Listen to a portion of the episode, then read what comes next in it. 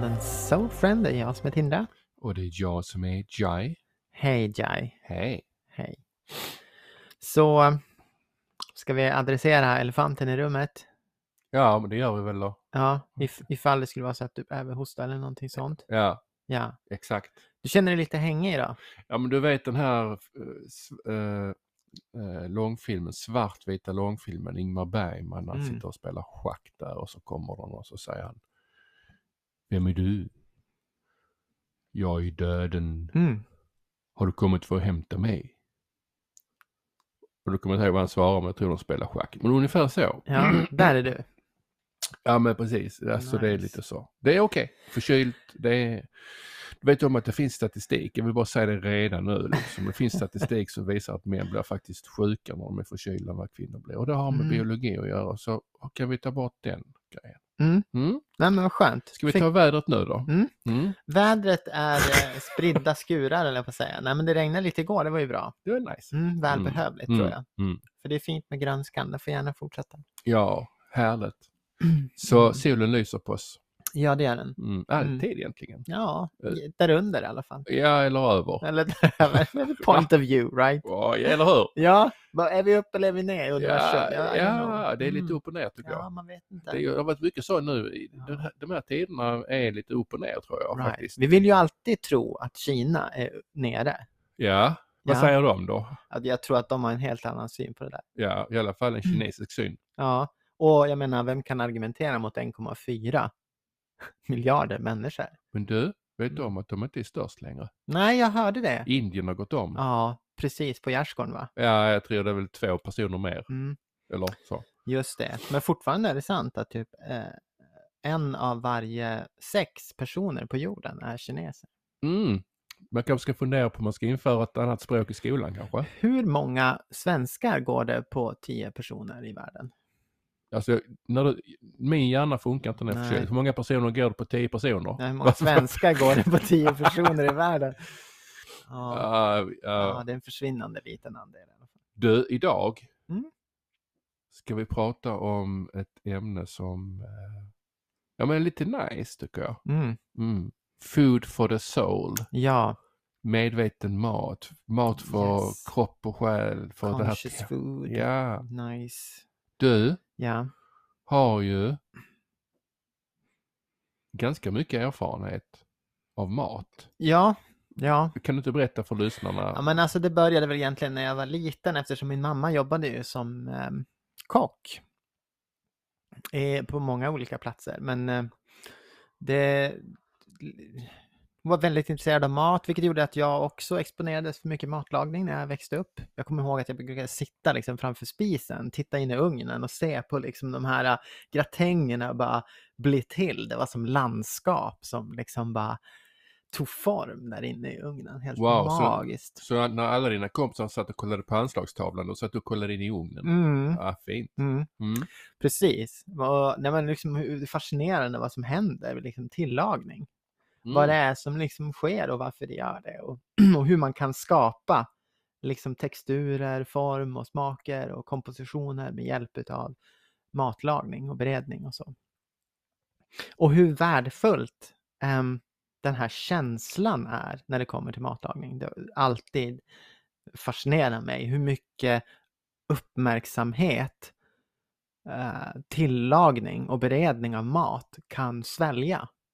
Det är, som att, det är som att mat kan svälja hur mycket uppmärksamhet som helst. Det är sant. Och det är så fascinerande. Det är sant av många anledningar. Ja, Absolut. och, men sen växte jag upp och sen började jag jobba på en del restauranger när jag var tonåring. Lite här och där, lite extra gig och lite sådana här saker. På massa olika ställen. Och eh, sen så när jag blev lite äldre och efter att jag gjort värnplikten så gick jag kockskolan. Och så fick jag papper på det och sen fick jag jobb på Gotland som kock först. Och sen jobbade jag där några år på lite olika restauranger och sen tog jag en liten paus från restaurangbranschen. Dels för att jag inte mådde så bra, jag brände ut mig, jag fick blödande magsår och grejer, men det är ju en annan aspekt på det. Eh, och jobba med mat. Eh, men sen när jag hade liksom haft mitt, min fågel Fenix-upplevelse, mitt andliga uppvaknande och så här, så sökte jag mig tillbaka in i restaurangbranschen ett tag och började jobba med lite eh, andra former av matlagningar och sådana här saker. Och då gick det betydligt bättre. Jag hade förmågan, jag var mycket mer stresstålig, mer resilient och jag liksom såg de här eh, tillfällena när jag jobbade i professionellt kök att, som en möjlighet att finslipa på min förmåga att vara lugn och vara kvar i mig själv.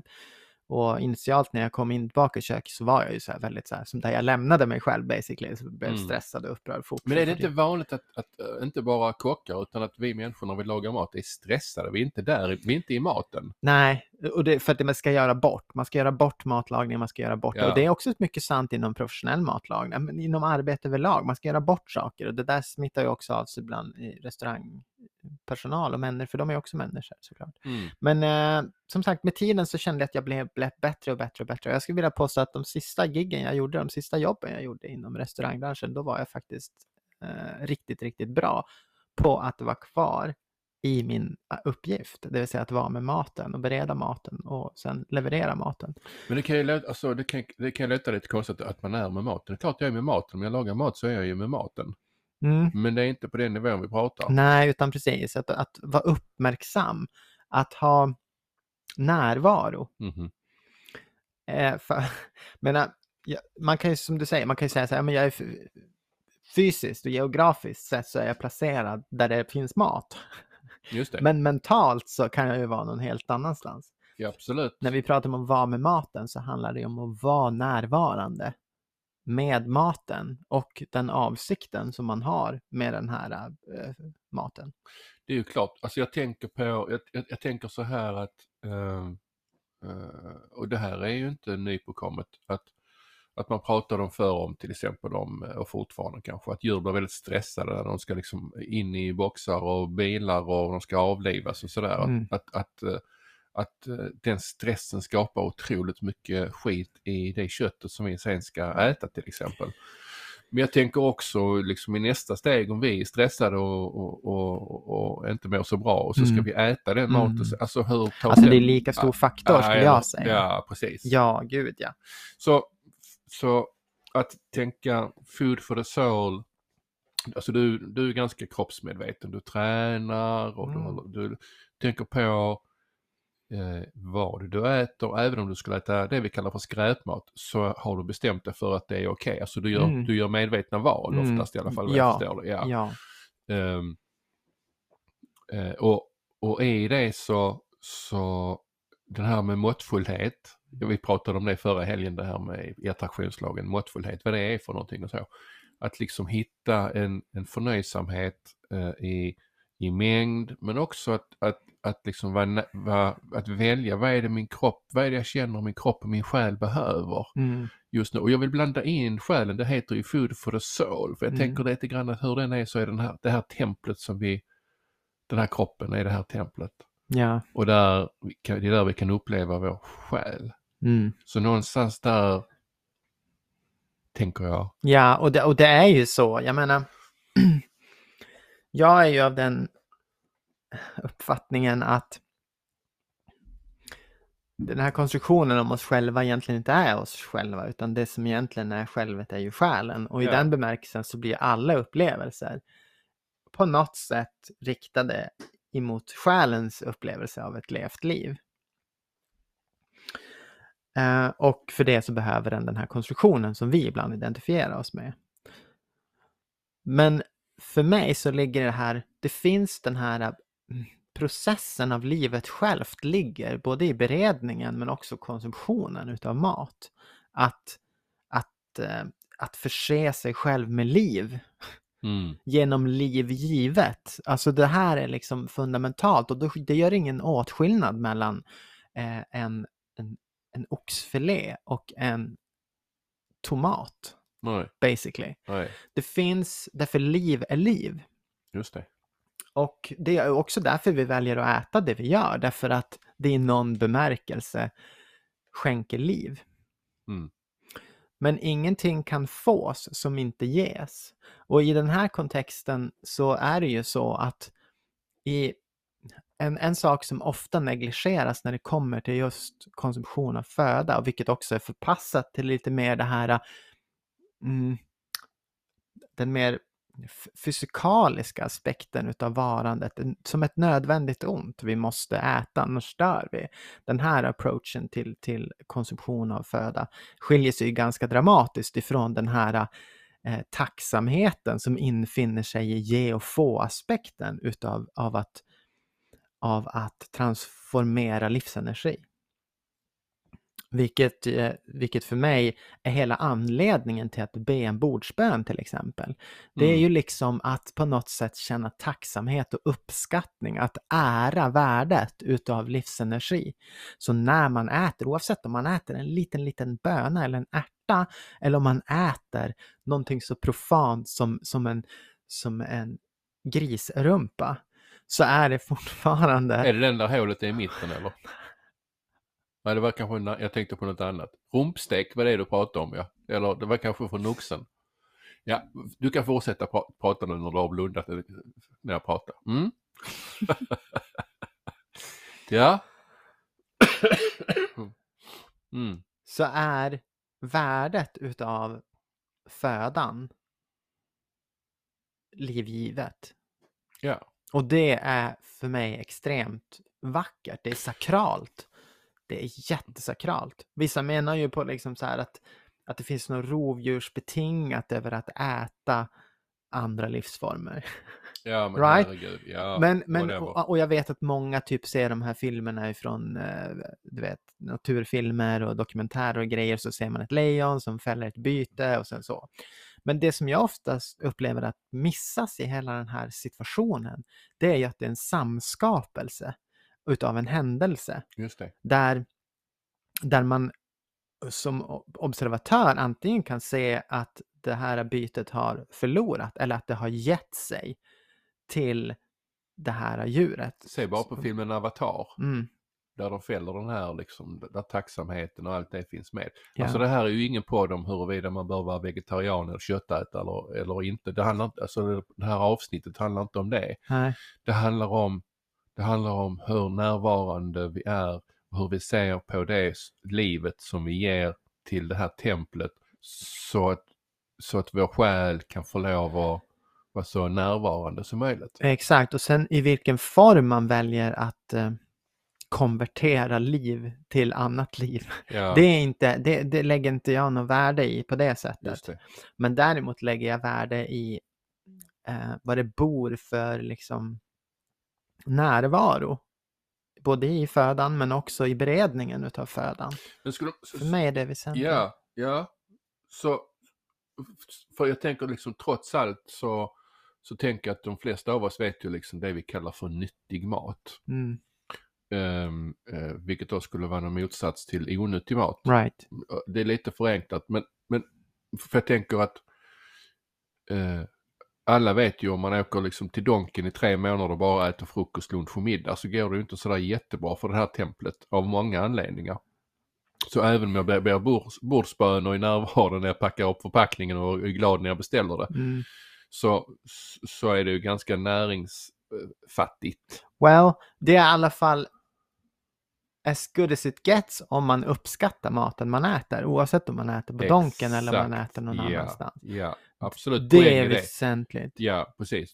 Men min poäng, ändå, ändå liksom för att liksom hitta någon form av balans, eh, så tänker jag att, att om jag äter väl tillagad mat Mm. eh, eh, och den innehåller en bra balans, det kan vi kanske prata mer om vad det innebär, Mm. eh, med näringsämnen och fettsyror och whatever. Mm.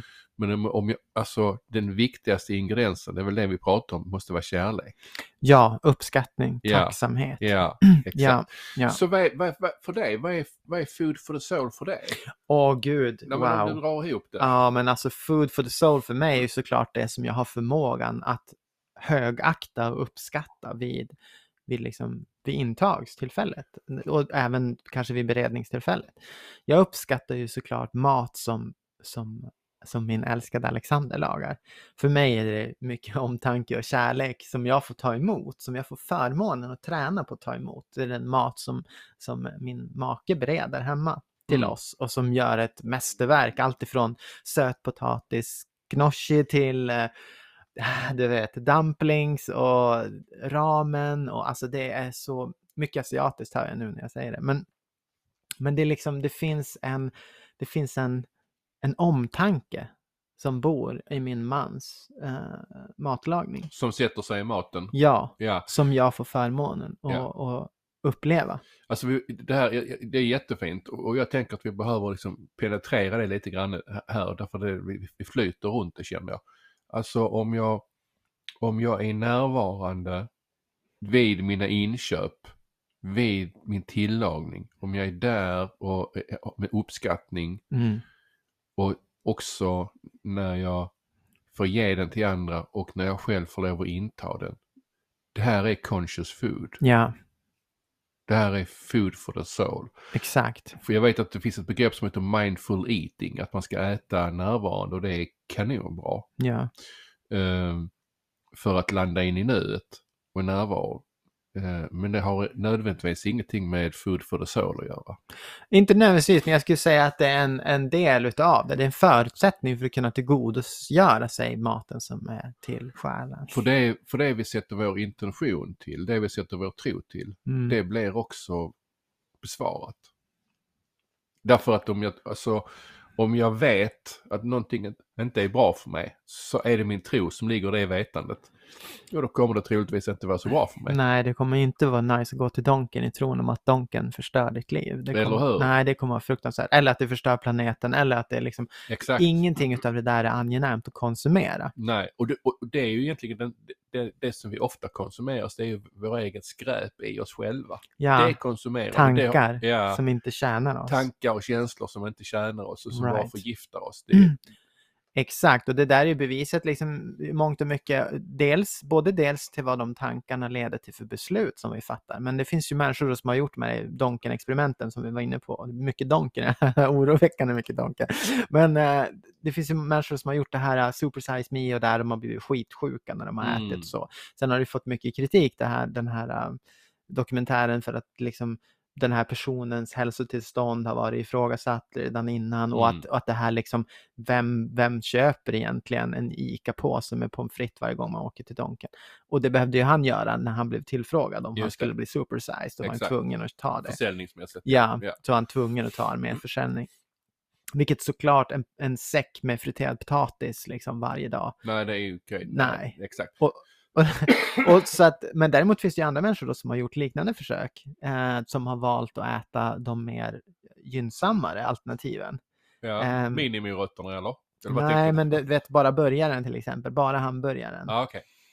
Eh, och, och har ätit det då som eh, lunch och middag Mm. under en månads tid. Och de har ju fortsatt bra värden. Liksom. Ja. Friska individer. Ja, alltså jag, vi handlar ju på Donken ibland, inte jätteofta. Mm. Eh, du, ni? också? Ja, då och då spelar- Eller Max eller whatever de Ja, det kan heta. händer. Ja, ibland. precis. Men så, jag vill, så att, och när du får laga mat, Mm. eh, nej, jag, nej, jag ska fråga så här. Vad händer med dig när, för vi säger liksom food for the soul, att det, att det är viktigt. Så för jag tänker på människor som lyssnar här, men vad, vad tjänar det till? Vad, vad händer när jag är, är närvarande? Vad är det som händer i mig? Vad, vad har det för någonting med själen att göra? Vad är din syn på det? Om jag förstår det rätt, och syftar du själva beredningen eller tillagningen av maten eller? När jag tänker, när jag tänker på mående, jag tänker på Ja, res- resultat. Mhm. Det finns säkert många som tänker, ja men jag äter jättemycket grönsaker och tallriksmodeller och, Mm. och whatever. Så, och då har vi precis kommit fram till att det spelar ingen roll vad vi äter Och inte nödvändigtvis. på, nödvändigtvis. Mm. Utan det är vår inställning till det vi äter, det är vår inställning till oss själva, det är vår inställning till livet, Ja, det livgivande. ja. Och i den kontexten så kan det komma upp så att det finns ett särskilt behov av en särskild komposition av mat. Det kan absolut infinna sig att det är så. Att en person har en kropp som önskar sig en särskild form av föda. Ja, Och men det kommer ju lite grann i den här kontexten som du pratar om nu. Om, om vi är lyhörda, om vi hör, om vi lyssnar, om vi känner in, om vi är conscious. så det handlar om det. Så kommer den informationen som kroppen försöker förmedla till oss. Så om jag lyssnar in, om jag lyssnar inte bara på ytan där, där det Right. heter vingummi utan Ja. lyssna lite längre ner. Exakt, exakt. Och jag märkte det när jag hade haft mitt andliga uppvaknande så tog det ett tag liksom innan det slog ut inom alla spektran utav mitt liv. Men ett, ett sånt där spektra som det, det, som det började gestalta sig i, det var det faktumet att när jag var sugen på någonting så började jag höra någonting annat än mindets em, tolkning utav det suget. Det vill säga Mhm. så här, det jag brukade äta, det jag vanemässigt stoppade i mig. Liksom. Vad var det typ då? Ja, men det-? Innan kunde det vara typ så här, det som fanns tillgängligt, det kunde vara eh, kakor, chips eller någon smörgås eller det som fanns hemma eller sådär. Mm. Det som, det som jag brukade äta, det Ja. som låg i min vardag och min, min Men- rutiner. Man öppnar kylen och ser för det är någonting där. Man låtsas att det finns en bakelse där inne för att man har för mig att man såg en sån. Ja men du vet. Ja. Eller, om, det Mm. var, om det bara fanns några snacks fr- framme eller något jag bara kunde ta och stoppa i munnen och så gjorde jag det och så var det bra med den saken. Men det var liksom en mental tolkning utav ett kroppsligt behov som försökte göra sig hört. Mhm. Men allt med liksom jag lät det där få kultivera sig själv så började jag märka nyanser i det här äh, suget eller den här craven som jag hade. Och då kunde jag börja liksom skönja aspekter i det där. Jag kunde märka att jag blev sugen på avokado. Jag kunde märka att jag blev sugen på, på citrusfrukter. Jag kunde märka att jag började bli sugen på, på färger som grönt och rött och, och sådana här saker. Och som jag senare liksom började förstå, liksom, ah, okej, det här kan vara det här kan vara ett behov utav vissa spårämnen som jag behöver, vissa mineraler eller liksom det kan vara ett underskott av järn, det kan vara det kan vara massa olika saker som, som kroppen försöker förmedla till mig. Men som jag har tolkat genom konstruktioner Mm. utav vad mitt mind är van att exponeras för och beteenden som jag tränar på. Men så kom de här sakerna och började tränga igenom och helt plötsligt så kunde jag gå i affären och så kunde jag bara bli sugen och bara få liksom mitt, hela min, hela min medvetenhet drog till liksom så här okej, en papaya, what the fuck? Jag har inte handlat papaya på tio år kanske. Mm. Och sen bara så, så tog jag den la i korgen och sen kom jag hem med den och så bara okej, vad gör vi med den här? Och så, och så, Det, det. Mm. Det är många som tänker, vad Mm. fan ska jag göra med papaya? ja, som tur är så har vi ju hela Alexandria i telefonen så att det är inte så svårt att lista ut längre. Man kan typ, Vi kan inte skylla på någonting. nej, nej, man har världens alla recept i telefonen. Så, Ja. så är det inte svårt att hantera varken mm, Så, papaya eller mango. så du lyssnade förbi det här absoluta första cravings, sockersug eller saltsug Tolkningen, eller ja. tolkningen så Mm. och sen så Mm, liksom Oftast ner. mycket socker, ja precis. Ja, Mm. för det är wow. Ja, precis. Mm. Och sen så trillar man liksom in i något djupare lyssnande. Ja. Är Liksom, vad är det? Mm. Och så kommer man att tänka på saker. Precis. Persilja eller papaya. Och så. Ja, och precis. Och man slutar, det slutar bli turkisk peppar och det kan börja bli ingefära. Liksom. Det, alltså, det, det, det är där någonstans som man börjar höra vad kroppen egentligen ber och frågar om. Du gjorde, en, du gjorde en, en fuling för en tid sedan. Mm. När du hade cravings på vingummi eller på socker. Ja, just det. Ja, jag var lite sugen där. Mm. Du gick och handlade, vad det, fyra paket vingummi och ett choklad.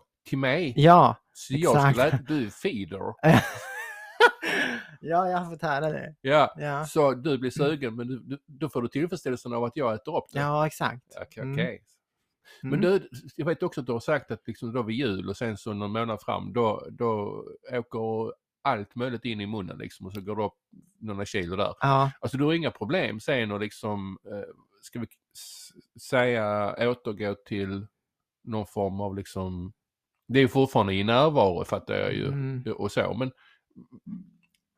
vad jag tror jag försöker säga är liksom att du har liksom förmågan att, att liksom sen gå tillbaka och, och ge dig det som du, din kropp och din själ längtar efter. Ja, alltså och periodvis gör jag nog det hela tiden. Alltså även om jag liksom För jag har sett festar. turkisk, turkisk peppar och grejer. Jag har sett dig, alltså, jag Ja. har sett dig käka godis och dricka drinkar och allt möjligt. Precis. Ja. Men alltså, det är inget konstigt. Men som sagt, överlag, oavsett om jag väljer att festa till det som över jul och sådana här saker, där det liksom blir liksom fest, fest, fest, äta mycket, liksom Mm. lägga, gärna lägga på mig lite grann för jag tycker det är mysigt att vara lite tjock över julen. Och alltså oavsett om jag gör det, så överlag igenom det där och under ytan så finns ju ändå eh, mina och Alexanders eh, matvanor och, och liksom sätt att konsumera föda nu, vilket innebär väldigt mycket att vi gör egna saker, vi lagar egen mat, vi, vi jobbar mycket med bra, bra näringsrik föda hemma. Ja. Um, Och, och oprocesserat, liksom, mycket fröer, mycket, mycket ehm, bra mat basically. och samtidigt så skulle allt det här bara kunna ligga på den mänskliga nivån. Mm. På kroppens välbehag och att den får må Ja. bra och den får träna, den får liksom näringsrik mat och, och så. Men varför heter det då Food for the Soul? Därför att för mig, jag tycker om begreppet soul food, men food for the soul har ju liksom, det, det syftar mer till det vi pratar om. För Mm. när det kommer till soul food så blir det lätt afroamerikanskt, det blir liksom framförallt södra Amerika Och exakt. och, eh, och den, den eh, matkulturen som har sprungit ut ur eh, det afroamerikanska perspektivet i södern. Liksom. Mm. Från slaveriet och allt så här, vad man lagade mat, mycket bröd, mycket kolhydrater för att liksom klara av och, och jobba under oangenäma förhållanden. Men Food for the Soul handlar ju mycket om att nära den här önskan, nära den här livskraften och ge sig till den där konverteringen av livskraften som en upplevelse innebär när man har försett den med mat. Jag menar, slutar du äta idag så kommer ju din upplevelse att också sluta efter ett tag.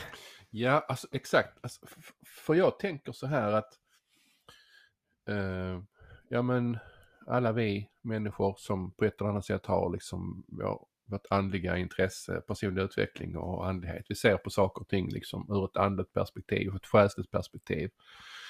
Och då tänker jag så här, varför skulle vi då inte göra det i det vi inhandlar och äter och Mm. när vi äter det? Alltså det är att, att vi kan inte, alltså, alltså att, att inte lägga in den andliga aspekten, själsliga aspekten i maten är ju right. liksom att separera den ifrån allting annat då helt plötsligt. Exakt, och det är det många gör, vi snabbt Ja. spolar förbi det. Därför den också bygger på skuld av liksom att det kanske ligger kött på tallriken då liksom eller Som inte haft det så bra. Ja, eller så Mm. någon som säger ja men morötter skriker också. Så, men om man bara liksom hoppar förbi allt det och, och, och, och från skulden och skammen och liksom alla tankar om det.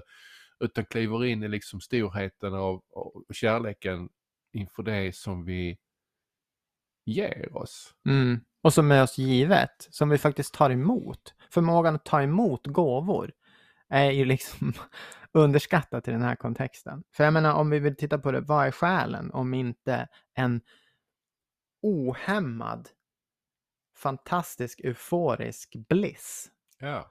Och vad är, vad är, vad är upplevelsen av tacksamhet inför föda när den är fullständigt hängiven?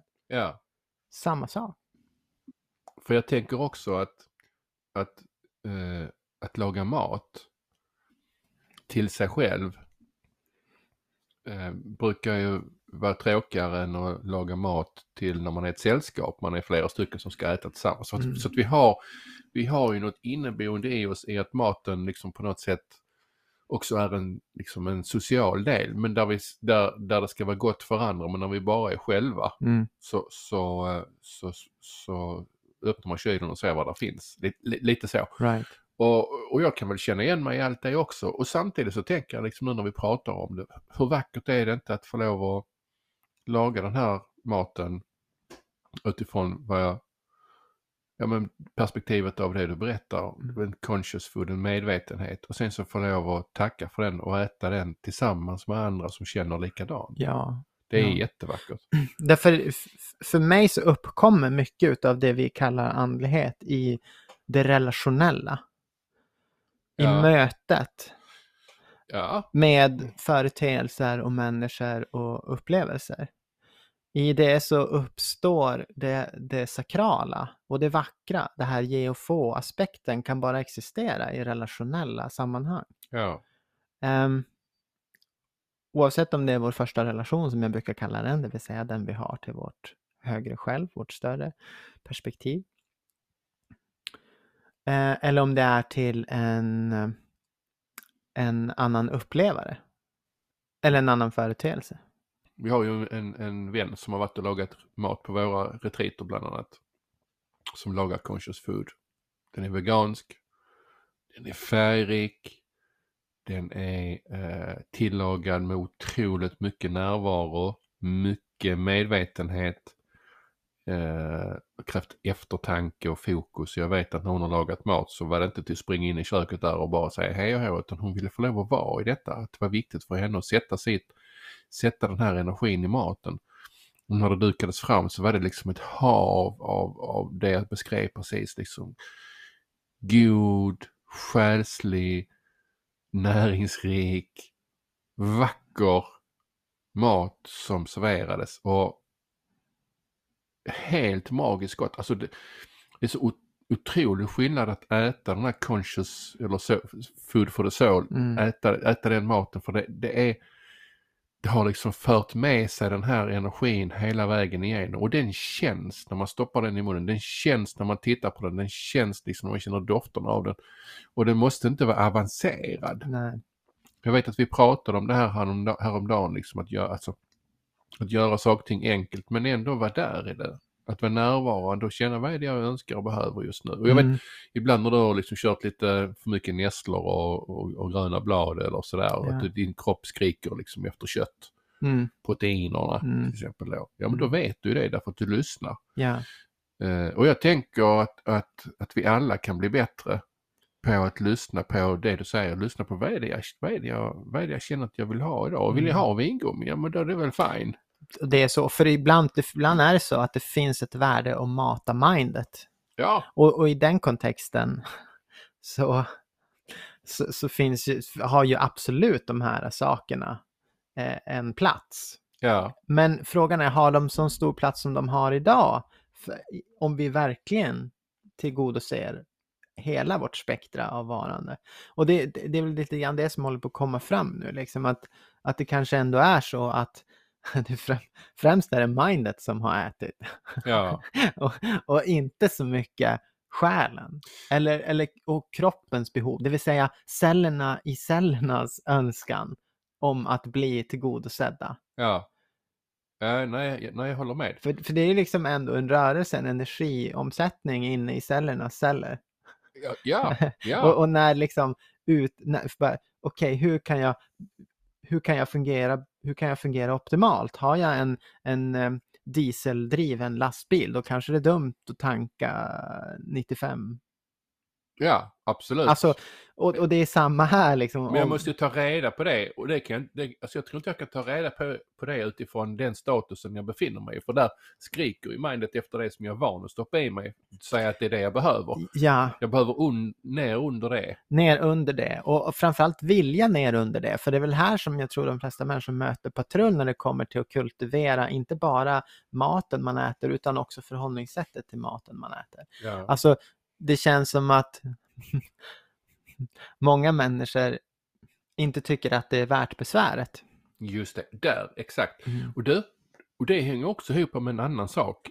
Uh, jag kommer inte riktigt ihåg när den här undersökningen kom. Du vet jag tycker om undersökningar och mm. sånt. Också för att jag vill, vill, inte bara för att jag vill veta utan för att när jag jobbade med kommunikation och reklam tidigare så var det viktigt att hålla reda på konsumtionsmönster till exempel.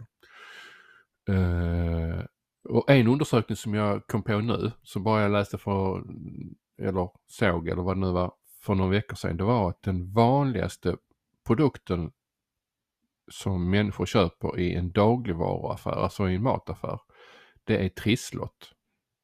Mm. Så det var inte mat. Den andra grejen jag vill berätta för dig är att det gjordes en undersökning som visade att eh, eh, svensken la i medelvärde ungefär 250 000, 200 till 250 000 kronor på sina nya kök. Och man tillbringade totalt sett, äh, tror det var 40 minuter i det köket varje dag för att tillaga frukost, lunch och middag. Mm. Det vill säga man lagade inte så mycket mat. Mm. Utan det var mikrovåg, det var färdiga, ja allt det här mm. liksom, det konceptet då. Så man lägger alltså dyra pengar på kök för att det ser bra ut. Sen använder man inte det. Mm. Eh, eller det gör man fast på ett helt annorlunda sätt. Och det är lite grann i den, den kontexten jag tänker att vi behöver reclaima alltså så mycket kunskap som har försvunnit kring att liksom vad är bra, vad är bra råvaror? Mm. Vad, vilken typ av eh, grönsaker eh, ska de vara ekologiska eller vill jag, vad, vad vill jag ha, alltså kött, vilt Exakt. eller vad det nu än kan vara. Att jag liksom faktiskt bestämmer mig för, men vad är det som känns mest rätt i mig? Och att jag lägger lite tid och omsorg på att tänka där. Mm. Sen så kan man liksom ha fast food och, och, och, och sura nappar och vad det nu än kan vara. Alltså allt, det där, allt det där är okej. Ingenting av det liksom behöver tas bort. Nej, Alltså- det behövs inte tas bort. Det behövs däremot eh, sättas i en kontext. Vi är så vi är så korrumperade i vårt konsumtionsmönster för att vi egentligen inte tjänar vårt egna syfte. Vi tjänar syften utav eh, tillväxtschabloner inom, inom företagandet. Liksom. Mm. Vi, vi tjänar syftet utav att öka Cloettas årliga omsättning med Eller vilket annat- 7,9 procent eller något sånt Ja, eller vilket annat märke som helst. Vilket annat som Ja. helst. Ja. det spelar ingen roll. Liksom. Mm. Whatever. Det, vi, vi, vi omsätter inte de sakerna vi omsätter för vår egna ynnest skull. Vi Nej. omsätter dem för att vi är en del av ett ekonomiskt maskineri som måste generera tillväxt. Och där reklam och kommunikation berättat att om vi bara tar detta så blir allting mycket roligare. Ja men exakt, så Ja. vårt konsumtionsmönster är ju minst sagt, om man ska vara uppriktig och ärlig med sig själv, verkligen färgat utav den här linjära aspekten i tillväxtekonomin. Liksom. Mm. som bygger på att ju mer vi spenderar desto bättre är det. Och det betyder ju då såklart ju mer vi konsumerar desto bättre är det. Jag, tänker på, jag tänker också att, att, att det man gör behöver vara kul. Mm, Eh, och, och även om inte man tycker det är kul att man gör det i kärlek. mm, Så att eh, det spelar ingen roll om det är dammsuga eller om det är laga mat eller vad det nu kan vara för någonting. Att jag, att jag liksom plockar tillbaka, reclaimar min rätt att vara närvarande i mig själv. mm, Eh, vi har ju pratat om, inte bestämt hur Mm. eller när, vi har ju pratat om du och jag, att vi kanske ska ha en sån här Food for the Soul helg, när Mm. man kommer hit och lagar den här maten tillsammans med dig. Eh, jag kan visa var grytorna står. Eh, för att komma in i det här tänket, liksom närvarande med glädje, kärlek eller vad det än kan Ja. vara. Liksom, lyssna på sin egen kropp, vad behöver den? Meditation, meditera över morötterna eller whatever Mm. det nu kan vara. Låter jättekonstigt. Eller kul! ja. Eh, och jag tror vi ska sätta det i verket faktiskt. Mm, Jag längtar själv lite efter det. Jag vet när Trinity, eller Anastasia som hon då heter, eh, jag har, har varit här och haft lite kurs en helg. mm, Conscious food. Det är jättenice. Det är gott, det är trevligt, det är mysigt, det är kärlek, det är, det är så nice. Ja, så att eh, mm. vi, jag tycker vi ska göra en, eh, eller jag tycker du ska göra en Tindra Food for the Soul. På ditt, på, på ditt sätt liksom. ja. Food for the soul. Jag gillar, jag gillar det. Det Ja, låter nice. ja, Mm, ja. Du, jag tittar på klockan, hon är kvart över tolv. ja. Tror det är dags att äta någonting. Mm. På tal om mat. Ja. Ja. Vad är din, vad är din rätt idag? Idag har jag faktiskt en, eh, en långlagad eh, biffgryta på Vindaloo curry och eh, den är gjord på ekologiskt nötkött från Gotland. Mm. Det låter ju supergott ju. Mm. Mm. Jag har inte funderat på vad jag ska äta nu. Jag, för jag tillhör de som, som skulle vara betjänt av att gå lite mer på ditt håll. Och då menar jag liksom den här närvaron och eh, kärleken och, och så. Mm. Nice. Jaha, Och vad, vad, vad sa du att du skulle äta idag? det sa jag inte. Du sa inte det? Nej, jag Du svävade på- dodgade den. Jag, ja, precis. Jag svävade på den frågan. Det, det får bli någonting... Eh, jag ska prata med min kära hustru Sam. Jag ska vi se vad vi kommer överens om. Jag Mm. tror jag vet vad det blir. Okej. Ja. You wanna spill the beans? Ja men alltså eftersom vi inte har planerat någonting och har någonting hemma att laga så Mm. tror jag att vi åker bort och käkar någonting Ah, och okej. eh, eh, får lite så Nice. space i det. Mm. Food for the soul, jag gillar det. Jättebra namn, Jai. Ja. Tindra, Mm, okej. tack för idag. Tack för idag.